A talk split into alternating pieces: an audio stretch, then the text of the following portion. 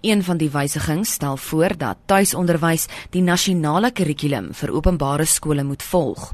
Maar volgens van der Eems volg ouers dikwels ander onderwysbenaderings in tuisonderwys. Ouers gaan verplig word om jaarliks 'n assessering te doen So as jy geassesseer word in die nasionale kurrikulum, maar jy volg 'n heeltemal ander onderwysbenadering, dan gaan die assesserings baie sleg lyk, want jy doen nie goed genoeg in terme van hulle meetinstrumente nie. Daar is 'n groot verskeidenheid van onderwysbenaderings wat mens kan gebruik. Die nasionale kurrikulum is maar net een voorbeeld van wat ons noem 'n gestruktureerde kurrikulum, maar daar's ander onderwysbenaderings soos klassieke onderwys wat deur fases van logika en retoriek en so aangaan Eh, daar is die Montessori benadering wat baie meer gelei word deur die belangstelling van die kind en dit pas nie in in die struktuur van die nasionale kurrikulum nie. Verder word daar voorgestel dat kinders wat tuis onderrig word, volgens die departement se riglyne geassesseer moet word.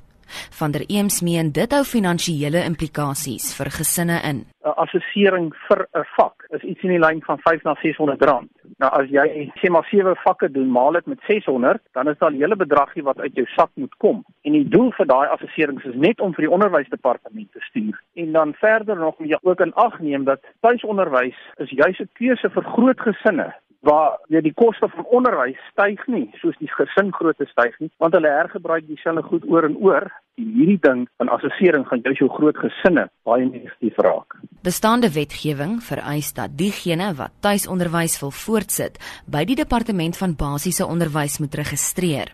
Indien hulle versuim om so te doen, kan ouers tot 6 maande tronkstraf gefonnis word. Een van die voorgestelde wysigings is egter dat hierdie vonnis tot 6 jaar tronkstraf verhoog word. Van der Eems meen dit het die potensiaal om gesinne te vernietig. Daar is 'n klomp voorwaardes waarmee ouers ongelukkig is. Sommige departemente vereis 'n huisbesoek. Dis 'n skending van jou reg op privaatheid dat 'n amptenaar wat jou glad nie ken nie in jou huis kan kom. So as gevolg van 'n groot hoeveelheid onregmatige eise wat gestel word om te registreer, kan baie ouers nie registreer nie. En as jy nie kan registreer nie, stel jouself bloot aan vervolging. So hulle straf vir nie registrasie is tronkstraf. Maar die grondwet sê die belang van die kind is wat tel.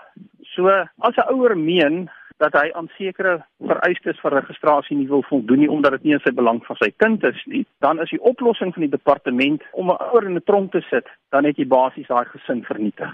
Bestaande wetgewing is volgens Van der Eems voldoende en departementele inmenging is onnodig. Daar is geen aanduidings dat tuisonderwys probleme skep en daarom onder beheer gebring moet word.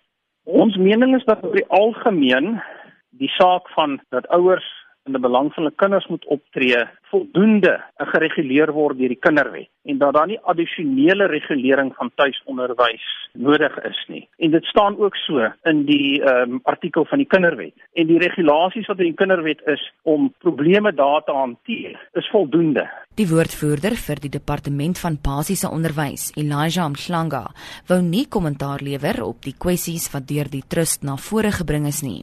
Hy meen dit kan die proses vir openbare kommentaar beïnvloed. Hy sê egter wysigings moet gemaak word om skuiwergate in die tuisonderwyssektor toe te stop.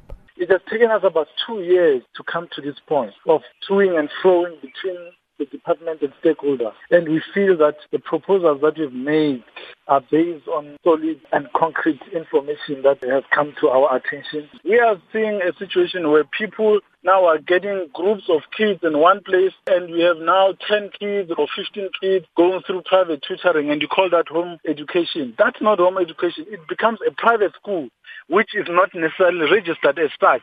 So that's a gap that we need to close as a department. We can't allow lawlessness to continue because of loopholes in the system. Wat vervolging en vonnisoplegging behels, Willem Glanga nie oor uitbrei nie, maar hy sê daar is ernstige oortredings wat onderwys in Suid-Afrika benadeel. I don't want to go into detail about that, but it seems there are serious transgressions that people are committing that warrant such a tough prison sentence.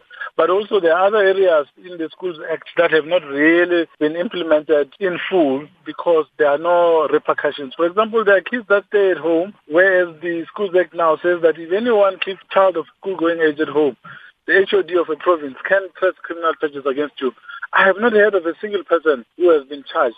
And now we have identified that area as well as one which needs to be to be attended to. Die wysigings aan die Suid-Afrikaanse skolewet is in die Staatskoerant gepubliseer en daar is tot die 10de November nog geleentheid vir die publiek om kommentaar te lewer. Ek is Jean Marie Verhoef vir SAK nuus.